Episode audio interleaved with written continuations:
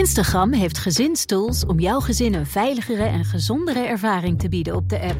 Wanneer tieners hun Instagram-profiel instellen, zorgt standaard privé-accounts ervoor dat wat ze posten privé blijft voor hen en hun volgers. Met een dagelijkse tijdslimiet help je jouw tiener om zich aan gezonde gewoontes te houden op de app. En door toezicht samen in te stellen, krijg je meer inzicht in wie ze volgen. Ontdek meer over deze en andere gezinstools op instagram.com/slash gezinstools. Zo zei IC-baas Diederik Gommers vandaag op Radio 1 dat uitstel overwogen moet worden als het risico op besmettingen te hoog is. We praten erover met onze gast komend kwartier en dat is Wim Voermans, hoogleraar staatsrecht aan de Universiteit van Leiden. Een heel goedemiddag. Goedemiddag. Ik ben u meteen even op uw Twitter-feed gaan kijken voor dit, uh, voor dit gesprek. En toevallig had u het er ook over. Um, u schrijft, uh, uh, kunnen we de verkiezingen uitstellen? Nou ja, kan, maar dan moeten we het wel nu doen. Waarom moeten we dat nu beslissen?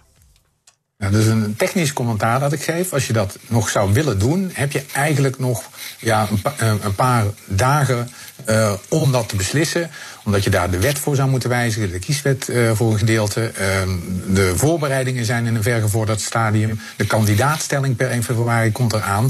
Dus er komt een soort point of no return in, in beeld. Mm -hmm. Daarom, ik had ook Gommers gehoord dat. Ik zeg niet dat je dat moet doen, dat is niet de essentie van die tweet.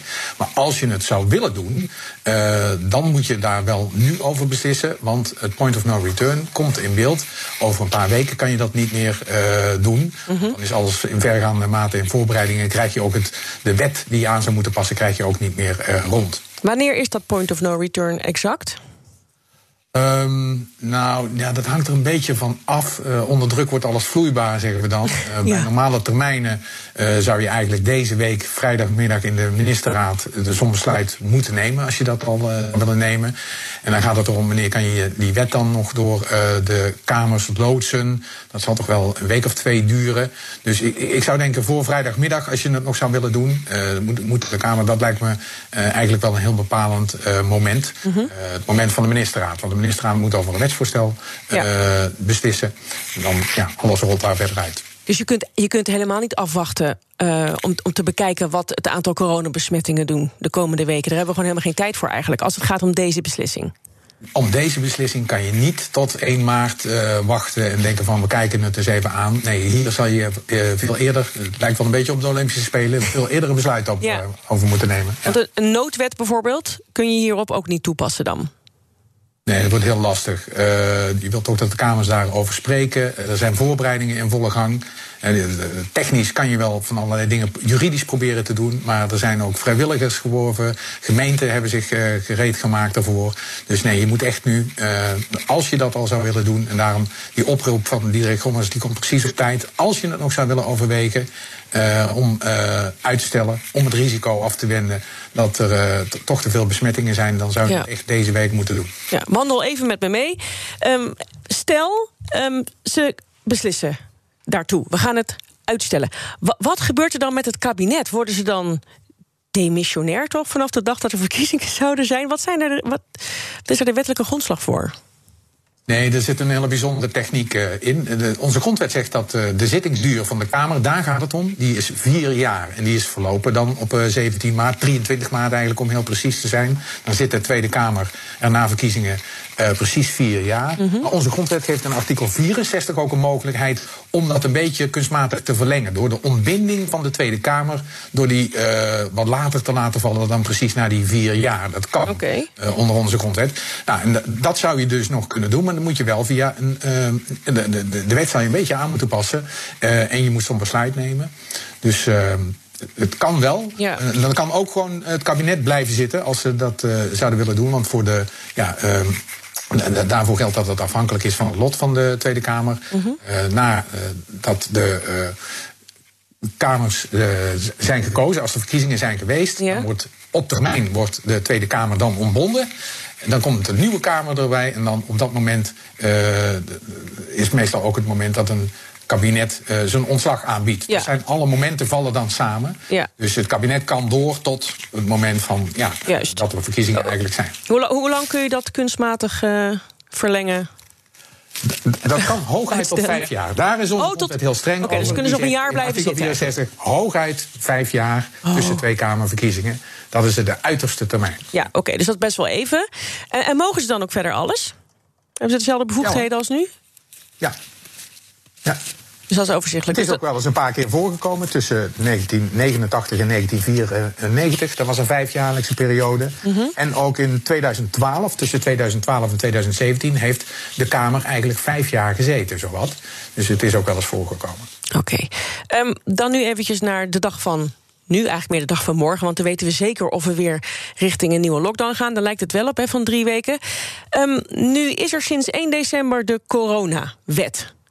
Mhm. Wat betekent, betekent het nou als morgen uh, Hugo de Jonge en Mark Rutte zeggen... er komt een lockdown aan, dat de Kamer daar alsnog over moet beslissen... en dan dus ja of nee moet zeggen? Hoe zit dat nu?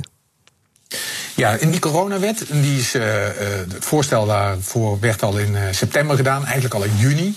Ehm, daar zit een mogelijkheid in dat een minister inderdaad hele vergaande bevoegdheden krijgt om maatregelen te nemen die nodig zijn om het virus te bestrijden.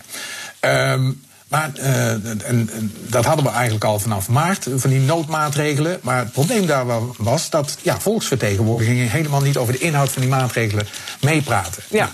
Uh, die coronawet die er nu is, daar heeft de Tweede Kamer in oktober een grote wijziging in aangebracht. Door te bepalen dat als die noodmaatregelen uh, worden genomen, uh, onder die wet, dat dan de Kamer de bevoegdheid krijgt om dat te bekrachtigen. Dus dan, uh, de jongen moet dan een, een, noodmaatregel naar de Kamer sturen. En die mag niet eerder in werking treden in normale gevallen dan ja. uh, na een week. Er is zelfs nog een, een, spoedprocedure. Als het echt heel erg nodig is dat een maatregel direct in werking treedt, dan kan uh, dat gebeuren. Mm -hmm. En direct in werking laten treden als die uit kan leggen dat het echt spoed, uh, spoedvereisend is. Oh ja. uh, maar dan heeft de Kamer nog een week lang om de stekker eruit te trekken. Dan kan ja. de Kamer er alsnog de stekker uit trekken. Want dat dus kan dus nu.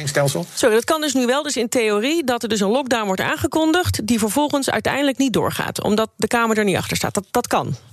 Dat zou kunnen, ja, inderdaad. Uh, de verlenging van die maatregel is ook zo'n noodmaatregel. Dus uh, dat zou de Kamer kunnen doen. Ik neem uh, maar aan, ik, ik, weet wel bijna zeker dat de Kamer dat niet zal gaan doen. Want dat is natuurlijk, ja, dan, als je dat lichtvaardig doet, dan krijg je een chaotische toestand. Maar de Kamer heeft de mogelijkheid en bevoegdheid ja. om de stekker uit die maatregelen te trekken. Ja, het ligt natuurlijk aan vanuit welk standpunt je je denkt. Hè? Denk je vanuit het standpunt van, nou, ik noem maar wat, een hele hoop ondernemers die schreeuwen om, uh, om de boel weer open te gooien? Of denk je uh, vanuit de, de viroloog als politicus? Zijn dus, dat is bij politici altijd en ook bij Tweede Kamerleden. Die moeten heel veel verschillende belangen wegen, tegen elkaar afwegen, met elkaar zien te rijmen. Dus dat is ook een heel moeilijk vak. En ook lastig om te doen. Uh, maar ze zullen uh, al die uh, belangen proberen daar rekening mee te houden ja. en naar te kijken. Ja. En dat komt dan, ja, daar komt dan een uitkomst uit. Nu, nu, is deze wet er onder andere ook gekomen omdat ja, die burgemeesters eigenlijk veel te veel macht hadden, zou je, zou je kunnen zeggen. Toch komen ze nog steeds samen in het Veiligheidsberaad. Is dat gewoon niet veel meer een soort lobbyclubje geworden nu, die burgemeesters? Want zoveel kunnen ze niet meer, toch? Nee, nee, nee, nee. Dat veiligheidsberaad is heel erg belangrijk. Er zijn 25 veiligheidsregio's in Nederland. En die moeten dus die uh, noodmaatregelen uitvoeren. En die, uh, dat, zij geven van allerlei geluiden af van hoe het in de praktijk toegaat met het invoeren en uitvoeren van die noodmaatregelen.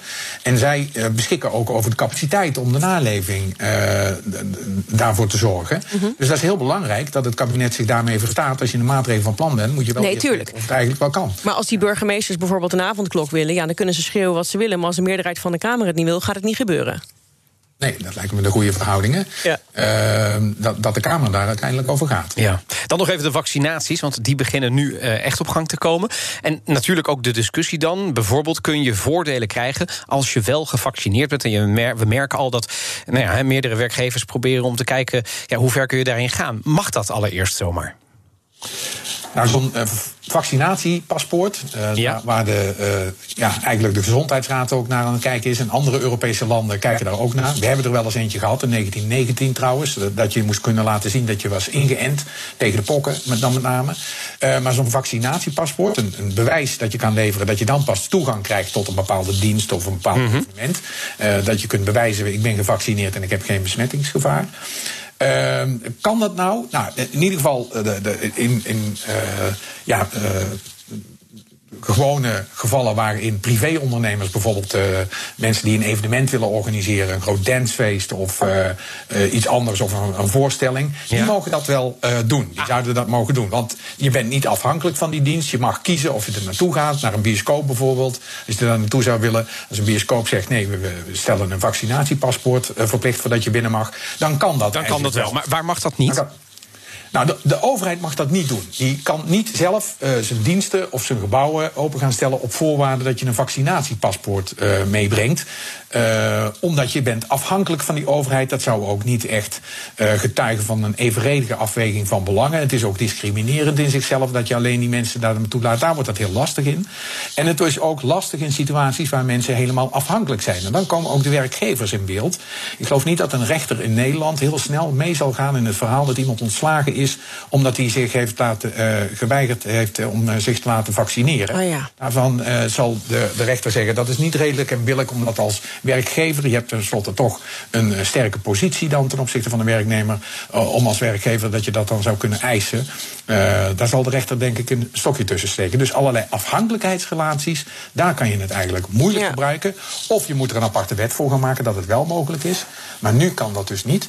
Maar in allerlei relaties waarin niet die afhankelijkheid geldt voor maar privépersonen of private partijen iets hebben te bieden. En die stellen dat uh, open op voorwaarden van een vaccinatiepaspoort, dan kan dat wel.